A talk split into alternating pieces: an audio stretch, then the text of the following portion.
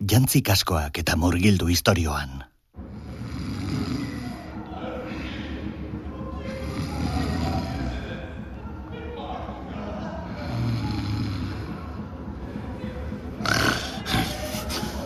Dios.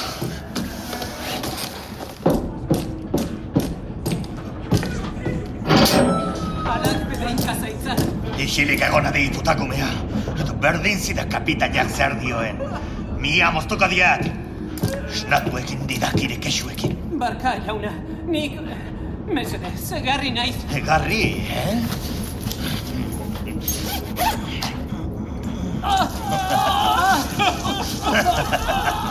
Oh, mesede, errukia.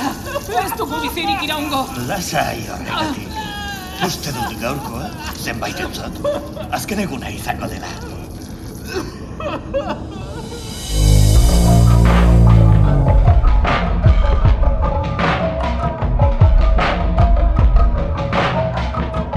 Etorkizuna asmatzeko modurik eraginkorrena, zuk zeuk berau sortzea da.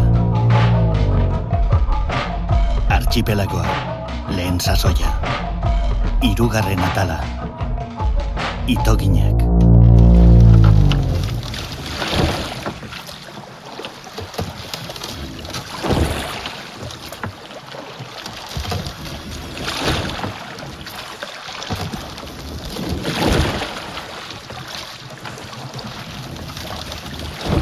Geldi, hemen da.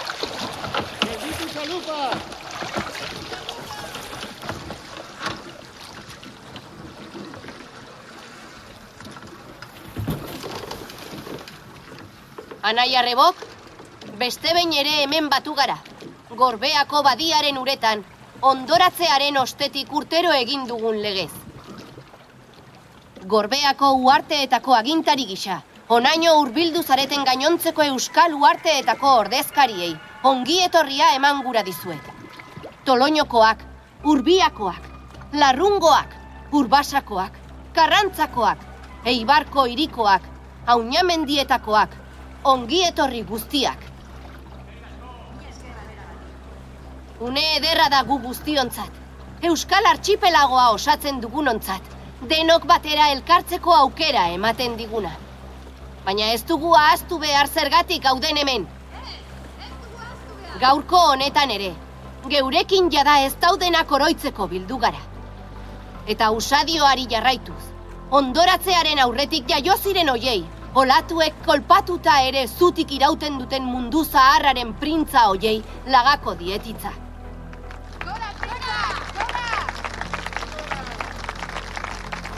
Eskerrik asko, e, naiz luzatu. Izan zirelako gara, ala esaten zuten lehen. Horrelaxe esaten dugu orain ere. Ondoratuen omenez, izan zirelako gara! Esan zerbait jurgi, gure printza zarrena. Bai, hala da. Eta ez ditugu joandakoak azten. Eta gogoan dugu baita hemen. Badia honen urpean eta Euskal Archipelagoko hainbat lekutan. Ondoratuta geratu ziren hainbat etxe, herri, pertsona. Hartu bakoitzak teila bana, neba arrebok. Eta ez dezagun ahaztu. Onaino heltzen dira gure herriko itoginak! Onaino heltzen dira gure herriko itoginak. Onaino heltzen dira gure herriko itoginak. Oraino heltzen dira gure herriko itoginak.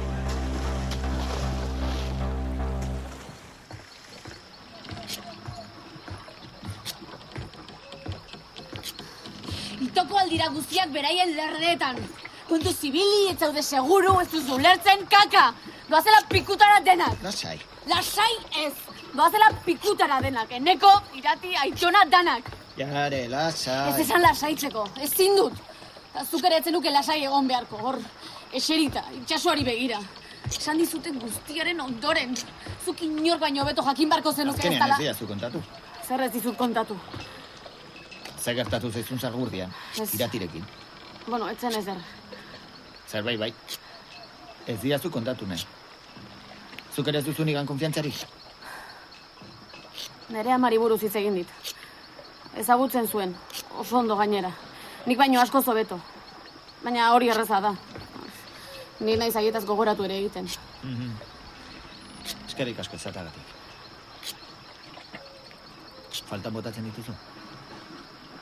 Zaintzuk, Zure ama? Eta zure eta? Ez. Egia esateko, ez. Jakin mina, igual. Amorru pixka bat behar bada, baina ez dakit nola esan. Ez dut inoiz gurasorik eduki eta zaila da eduki ez duzun zerbait faltan somatzea. Ja. Ulertzen du. Nik bai. Nik faltan botatzen ditut. Zure gurasoak, Bai. Eta nire amona. Eta nire arreba isa. Aitxa. Nik ez nekien arreba bat zenuenik. Hemen jaio nintzen.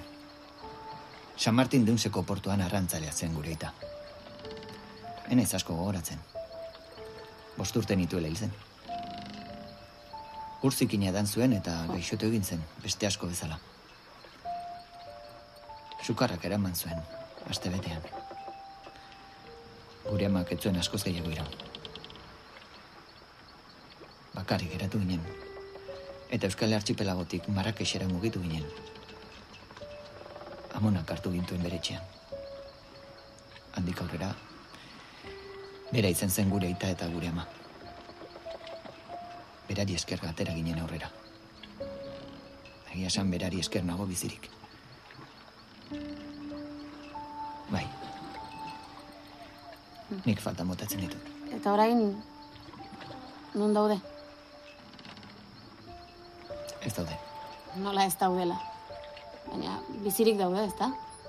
Haiek Afrikan geratu zirela uste nuen, zuona lanera itzuli zinenean. Bai, bai. Azkenean, uste nuena baino antza handiagoa dugu. Bi umezurtz, bakar bakarrik itxaso erdian. Horrela dirudi. Bueno, ba, nire ustez bi aukera baino ez ditugu. Edo hemen jarraitu iluna barra arte ni marmarrean da zu negarzutinka, Edo?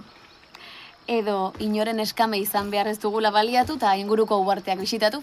Zer diozu? Bazu berriz marmarrean ez entzuteagatik edo zer. Goazen.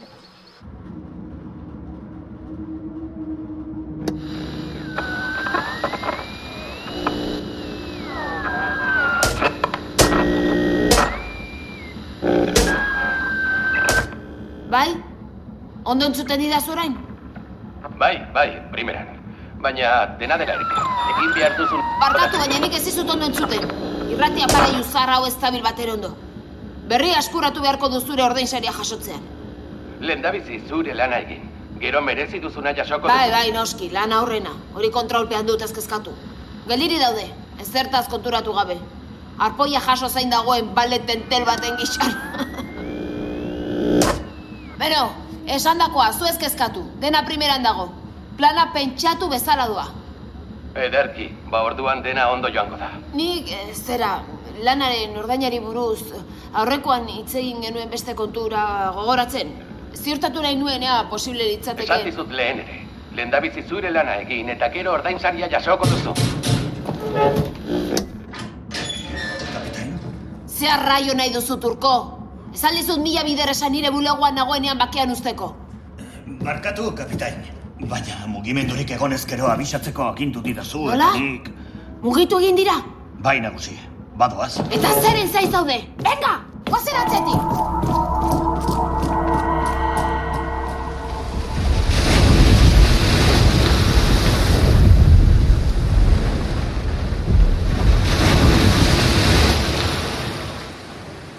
Laurogei urte igarota ere, olatuek jarraitzen dute gure etxairik handiena izaten.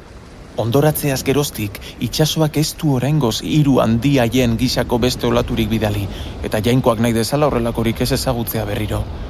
Baina hala ere, ur gainean geratu zen lurra purraren kostaldea, haize zartada eta olatu ikaragarriek kolpatzen dute etengabe, batez ere tifoi garaian.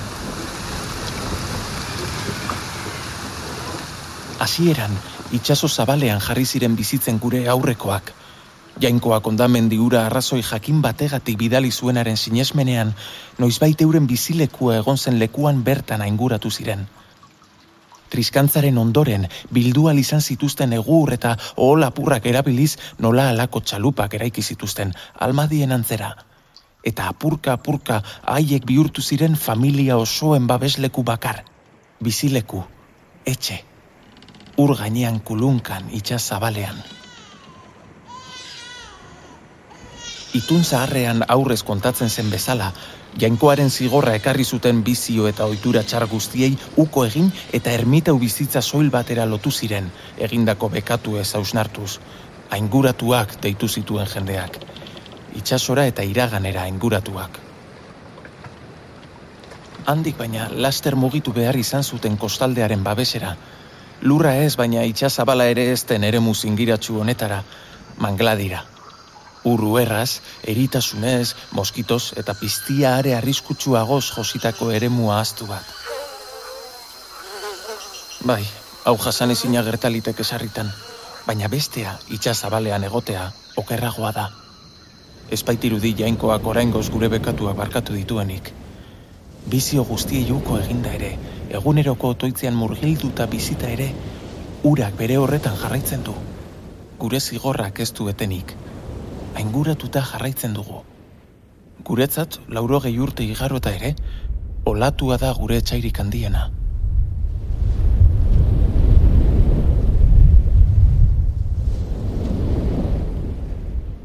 Ipar Afrikako liga da gure txairik handiena. Germaniarrekin ere ezin gaitezke fidatu ados, baina orain eta hemen liga da benetako etxaia. Bai, liga da etxaia. Arabiarrak dira Euskal Archipelagoko benetako etxaia. Arabiarrak etxaia? Mesedez!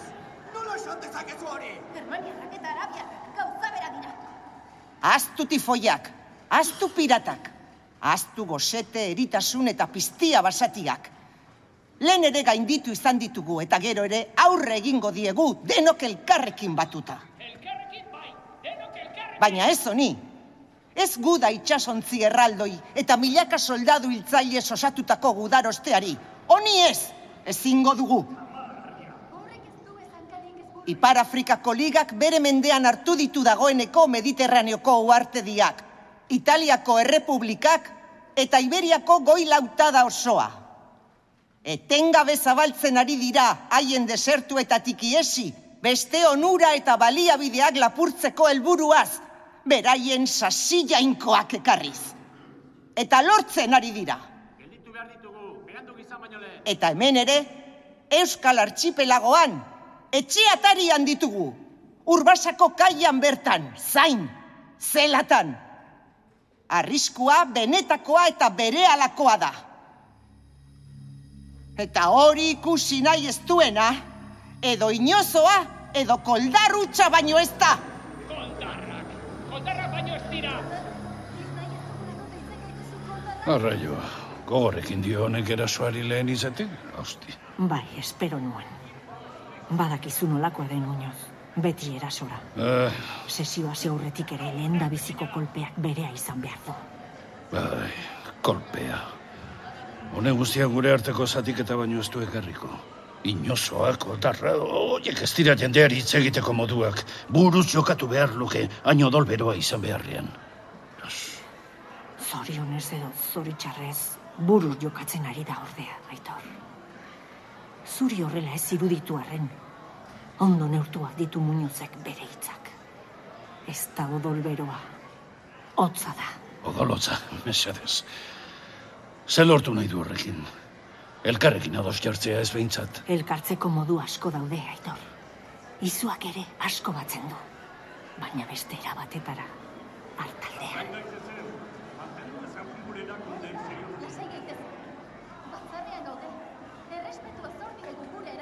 Bai, badakit.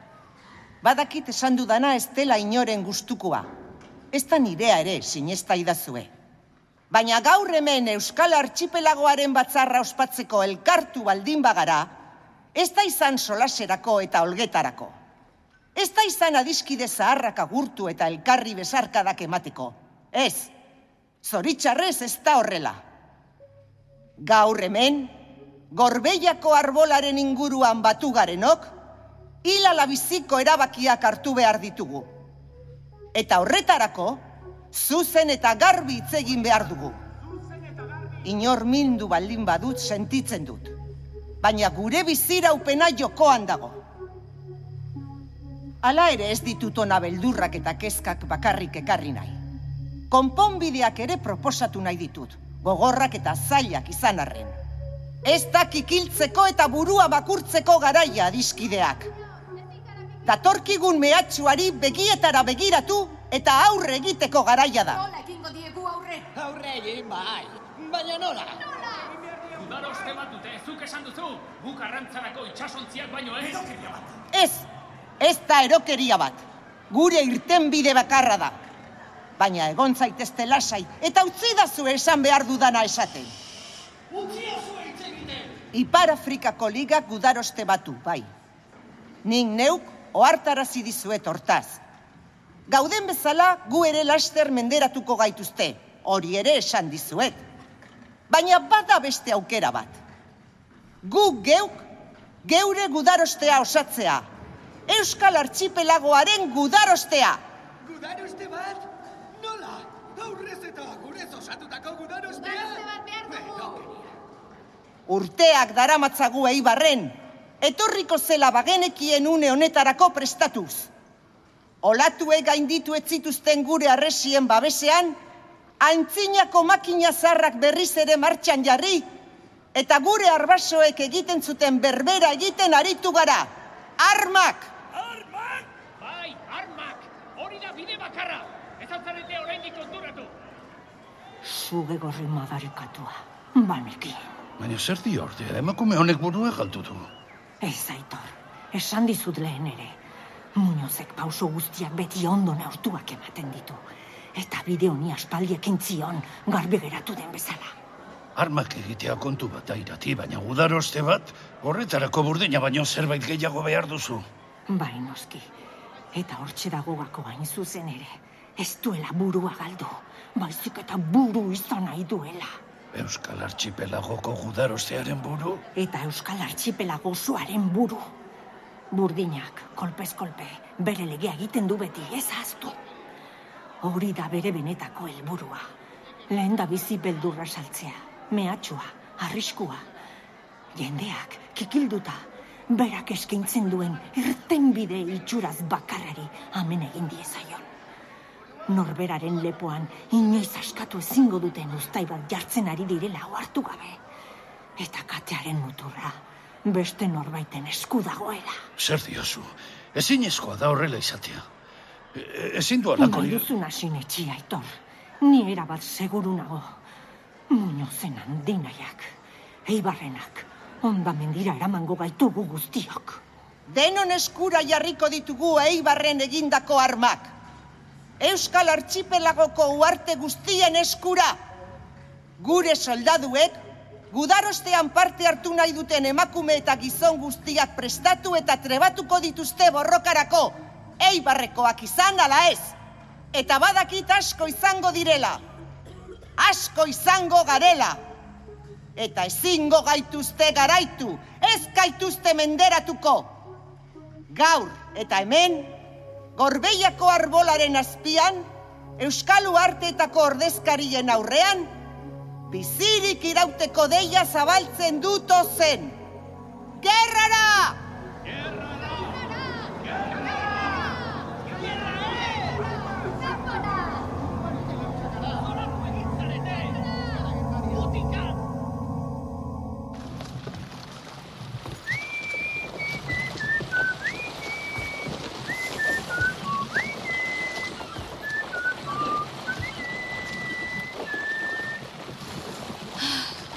Ederra txinoki uartearen kostaldea. Bai, bai, oso polita. Usaindo hemengo airean izar. Oh, laranjo ondoen ukituan abaritzen da. Zenba denbora inguru hauetara etorri gabe. Eh, arrazoia nuen, beira zema laranja sail aldatu dituzten horko maldetan. Bai, eta almendrak ere bai. Almendrak non? Horkoiek, hori zurikoak, almendra ondoak dira, ez? Oh, bai. Baina jare, zea, gehiegi urrundu gara eta itzulekin beharko ginatekela uste dut. Ja, itzuli, gorbeiako badiara. Zer komeni zaidan nik baino beto dakiten sasi jakintxu guzti horien artera. Ba, bai, astuna torrante hutsak dira, bai, ba, ez pentsa haiekin egoteko zuk baino gogo gehiago dudanik. Baina horrekin... Motel, nolako azareten gizonak. Ez dakizu egunea disfrutatzen. Ez dakia. Disfrutatzen ari naiz, baina... Baina zer, Ez dakit nola esan. Zerbaitek susmo txarra ematen dit. ez zaitez belebeltza izan. Beirazi arratsalde aparta daukagun. Estalita dago zerua, bai, baina ez dirudi ekaitzik datorrenik. Bai, bai, ez du ematen tifoi kolpe gogorrik izango dugunik azkenean. Lasai dago itxasoa. Bai ba, eta orduan, Hoxe beran jare. Ez alzaizu iruditzen dena lasaieki dagoela.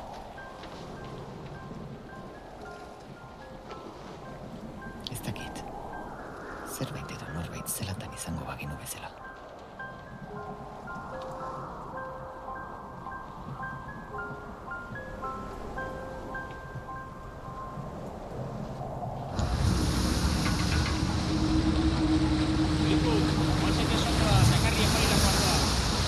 Itzaldu motorra turko.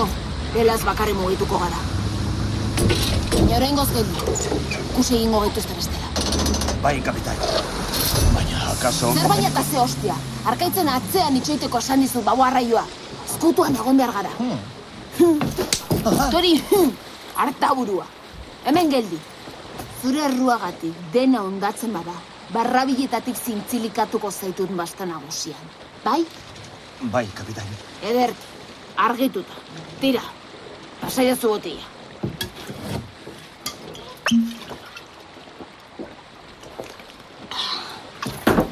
Eta zain gauden bitartean.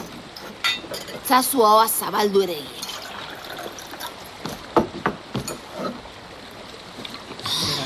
Baina ze mongolo klase zara, turko. Ez aldizut esan. Zerbait dago, kapitain. Zerbait? Noski baboa. Bi pospolin hoien itxasontzia. Hori duzu hain zuzen gure egin Ez, kapitain. Beste zerbait ere badago. Nola? Tori kataloxa, kapitain. Begiratu zer horrek. Mila de ave.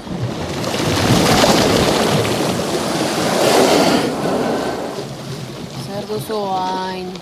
Eh? Nik ez dut ezer esan. Baiz, baina asperen moduko batekin duzu. Perena? Bai, asperena. Eta pixka bat nekatzen hasi naiz ja zure jarrerarekin izar. Ha, bai? Ba niren askatzen ari naiz zure aginduekin eta haserre aldiekin. Ba, emakume batenganik agindua jasotzea gustuko ez baduzu, badakizu nora itzuli behar duzu. Ze?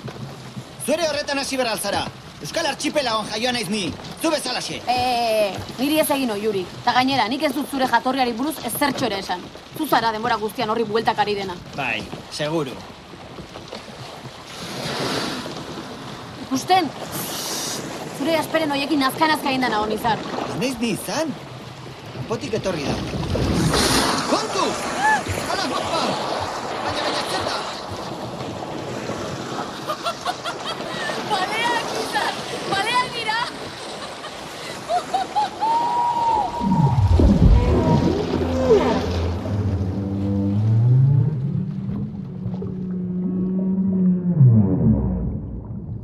Liburu zarrek diotenez, gaur egun Euskal Archipelagoan dugun eguraldi mota honi klima azpitropikal ezea deitzen zioten lehen.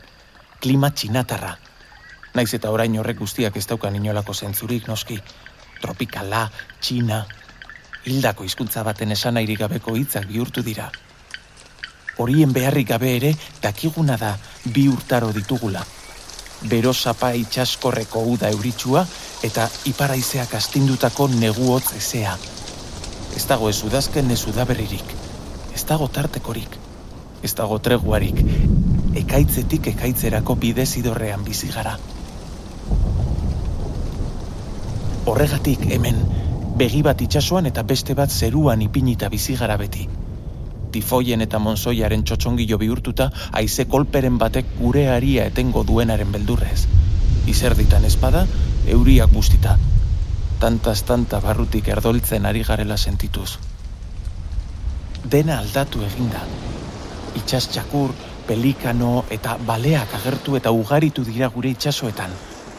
Eta aspaldiko baso epelak, pixkanaka baina etengabe, oian eta mangladi bihurtuz doaz. Landare osto zabal eta goroldi olodiz josiak. Mota guztietako hegazti eta basapiztien erreinuak dira orain. Dortoka erraldoietatik hasi eta felino handietaraino, eta gero eta beldur gutxiago digute gizakioi. Arrapari izatetik, arrapakin izatera itzuli gara berriz ere bizitzaren katean. Naturak bere lekua berreskuratu du lurrean. Gizakiak gure arrokeriaren dorretik amilaraziz. Edeneko lorategia itzuli eginda berriz ere, baina orain eskaude bertara sartzeko gonbidatuta. Orain, bazter batean bizi gara. Oian akusten digun txokoetan gure arroz oro murritzak landatuz. Itxasertzetik urrundu gabe gure arrantza txikia eginez, egunetik egunera bizirauten saiatuz. Behar bada beti izan behar zuen moduan.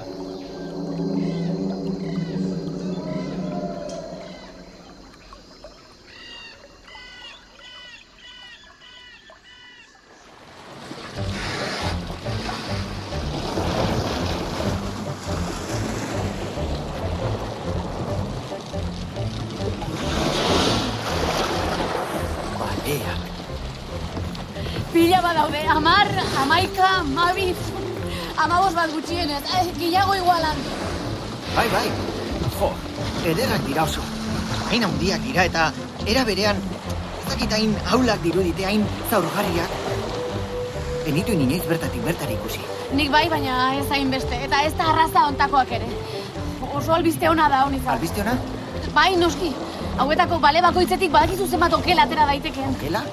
Bai, okela eta ez hori bakarrik eh, koipe ugari izaten dute, baita ere. Azalazpian eta ondo larrututa eta urtuta olioa lortzen da.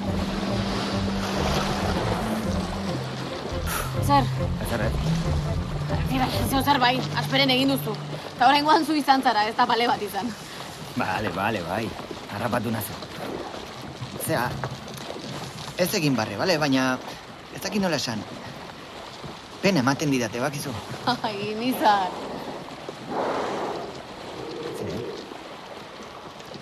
Zergatik begiratzen dira irribarri horrekin? Irribarrea. Ez, nik... ez errez. Tira, utzi zagun txorakeria. Bale hauei heldu beharra diegu hemendik aldegin baino lehen, ba. Ez dut uste urrun joango direnik. Umeak ere badituzte, ikuste? Bai, ederki, eta hobeto. Ea ba, giratu lema mende baldera. Gorbeiako badiara lehen bailen. Bale hauek arrantzatzeko laguntza bila joan behar dugu. Ara, laguntza bila. Dena dakiten buru handi hoien gana itzuli nahi duz orain? Nizar, ziririk ez niri, eh? Gainera, honezkero lasaituko ziren. Batzarra bukatuta izango dute seguruenik eta denak elkarrekin mozkortzen ariko dira.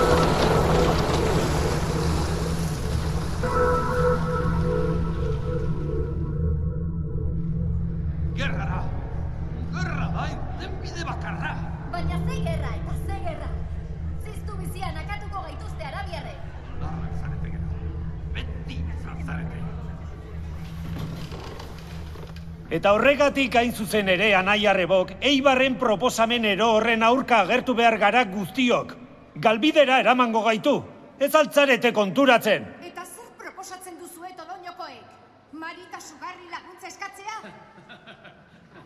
Ez egin isekarik amalurraren indarrei ergelak. Ez dituzue ulertu ere egiten. Mesedez, mesedez! Utzi txanda duenari hitz egiten. Mantendu ditzagun errespetuzko araua. Erasoren bat badator. Ez gaitu inork lagunduko. Germaniar konfederazioari eskatu behar genioke babesa. Gudaroste handia dute haiek. Ze santu nazkagarri horre germaniarrak? Lasai, aitor. Ez zaite zuere liskarrean hasi orain. Ahaztu gudarosteak anai arrebok. Gogoratu asaba zaharren esana. Bakean dagoena, bakean utzi. Mantentzen bagara gureak egin du. Lasai, mesedez! Bakean nahi dudalako koldarra naizela diozua hozik inorrek. Joan adire amalurrari ipurdian moixo ematera. Putazarra! Esaidan hori aurpegira! Mesedez, mesedez! Nahikoa da, errespetua mantendu dezagun denok. Gogoratu Euskal Archipelagoaren batzarra dela hau. Eta ura osatzen duten uarte multzo ezberdinen ordezkariak zaretela zuen. Ez taberna zulo batean, arroz patjarra edaten muturka dabiltzan mozkorra. Baina leire, zuk badakizu ezinez... Gauza asko ez dakizkit nik eneko. Zoritxarrez edo zorionez. Baina honako hau badakit. Atxeden bat behar dugu denok. Atera kanpora. Arnaz hartu. Jan mokadu bat gura baduzue. Eta lasaitu denok. Ordu laurden barru jarraituko du batzara. Eskerrak, ezin nuen gehiago. Ez da nik ere, zutan jartzen ari nintzen. Hainbeste gerra. Norbaiti muturreko bat emateko gogoa sartu zait. Haize hartu behar dut. Nondik da kanporako bidea? Ziur hemendik dela. Bai, zera, azkarra beritxiko gara gorbeiako uartetara hemendik joaten bagara. Harrigarria da, ez neken inguru hau ezagutzen zenuenik. Bueno, mapa batzuk begiratzen aritu naiz, eta bakizu. Ba, harrigarriago oraindik, ez neken irakurtzen zenekienik ere. Eh? Aizu, ni... Txantxetan egin ez motel. Hene, urduri txamar zaude ez da? Ez ez, lehen bai lehen iritsi nahi dut bestik ez. Kontu guztionekin, bukatu nahi dut. Eh, eh, eta hori? Ze? Hori, hor aurreko itxasontzi ez ezagun hori. Kaka.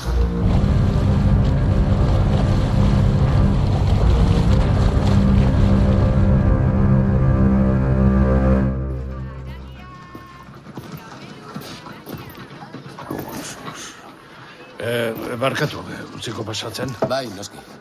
Eh, Aitor! Baina, baltza. Aspaldiko, zenbat denbora. Zer, zer moduz doa dena? Ba, ze esango dizut, ba. Izkan bila guztia ez dut bat ere gustuko. Bazterrak nastera etorri zarete gaur eibarrekoak, eh? Ez ez, nik ere ez dut gustukoa. Ez gara matza inora gainera. Baina, nien naiz ibarkoa, Aitor, badakizu. Niko fradixakoa naiz. Dakizunez, gure zeregina aspaldiko teknologia eta industria berreskuratzea da. Eta hori ez da uarte bakar batera mugatzen. bai, bueno, ba. E, ez adarri, jo, baltza. Eibarrekoak eta zuek anaiak igual ez, baina lehen guzuak bazarete gutxienez. Batzarrian ere elkarren alboan eserita zaudeteta. Beno, interes komun batzuk baditugu, ezinuka. Baina ez guztia. Ja, ja. Dena dela, posten naizu ere iskanbila honen aldekoa etzarela entzutea, baltza. Gudarostea, gerra, baina ze arraio. Entzundakoa sinetxi ezinik nago oraindik. Bai, bai, ez dakit. Esan dizut, kofradisa ez dela uarteetako erabakietan sartzen. Ez da inoiz gure asmoa izan, ez da izango ere.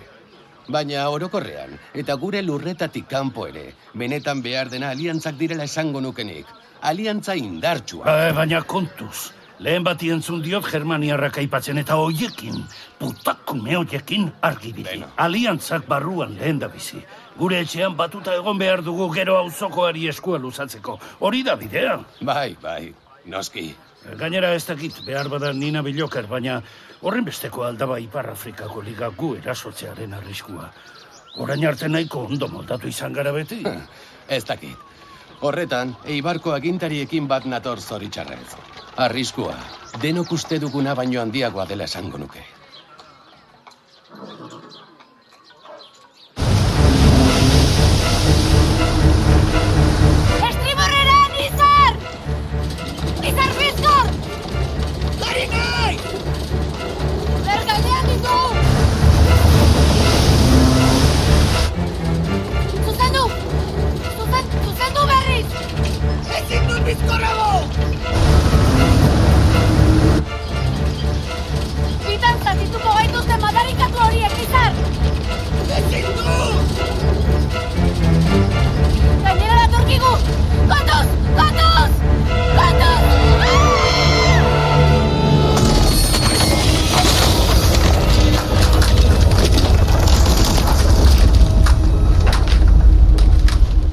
Errukirik gabe! Amor baiara!